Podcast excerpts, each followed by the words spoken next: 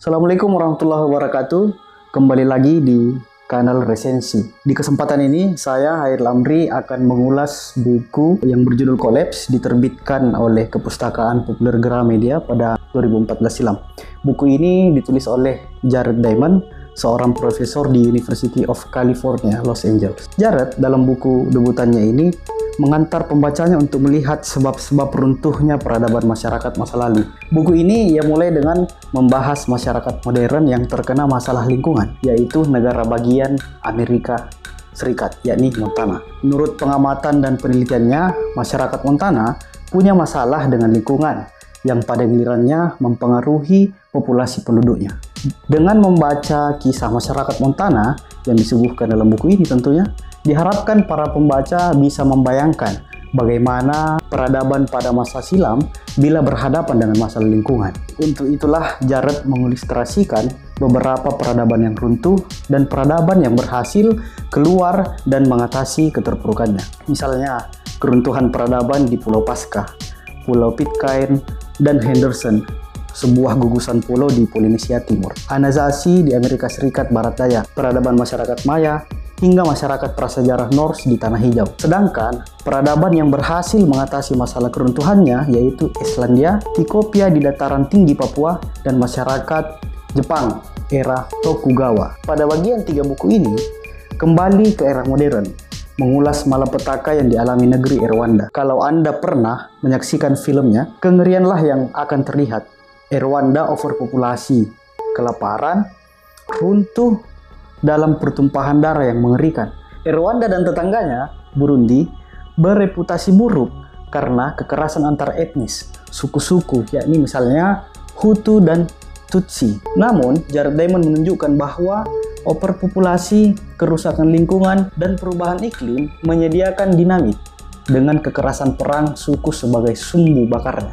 Cina menderita masalah lingkungan modern dalam stadium lanjut. Karena Cina adalah raksasa dunia dalam luas wilayah, populasi, dan ekonomi.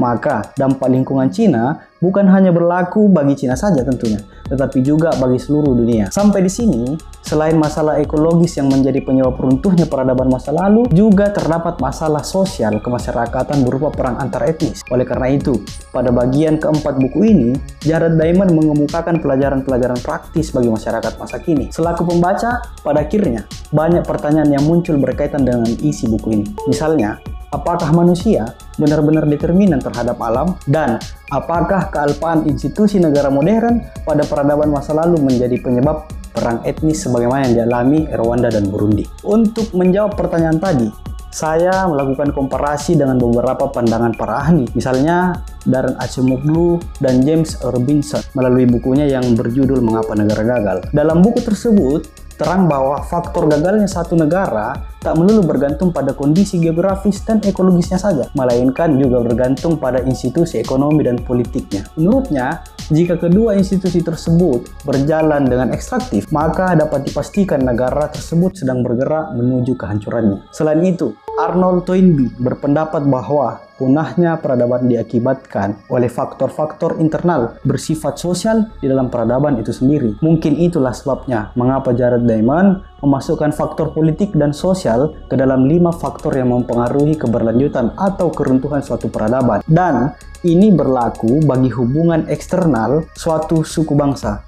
Makanya, selain serangan oleh masyarakat tetangga yang bermusuhan, sokongan dari masyarakat tetangga yang bersahabat juga menjadi penting. Selain itu, perubahan iklim dan dampak-dampak lingkungan manusia akan menjadi penentu keberlanjutan peradaban tertentu. Seirama dengan konklusi hasil riset Jared Diamond, perihal peradaban yang runtuh. Dengan demikian, kealpaan institusi negara modern di masa lalu menjadi salah satu penyebab runtuhnya peradaban yang diulas di buku ini. Tak hanya sekedar persoalan ekologi. Selain itu, penyebab kerusakan lingkungan masyarakat masa lalu dibagi ke dalam delapan bagian dan dalam buku ini tentunya. Pertama, pengundulan hutan Kemudian yang kedua, penghancuran habitat. Ketiga, masalah tanah, baik itu erosi, masalah penggeraman di tanah, dan kesuburannya. Kemudian yang keempat, pengolahan air dan perburuan yang berlebihan. Kemudian efek spesies hewan yang didatangkan, pertumbuhan populasi manusia, dan peningkatan per kapita manusia adalah faktor yang disinyalir sebagai sebab kehancuran peradaban masa lalu.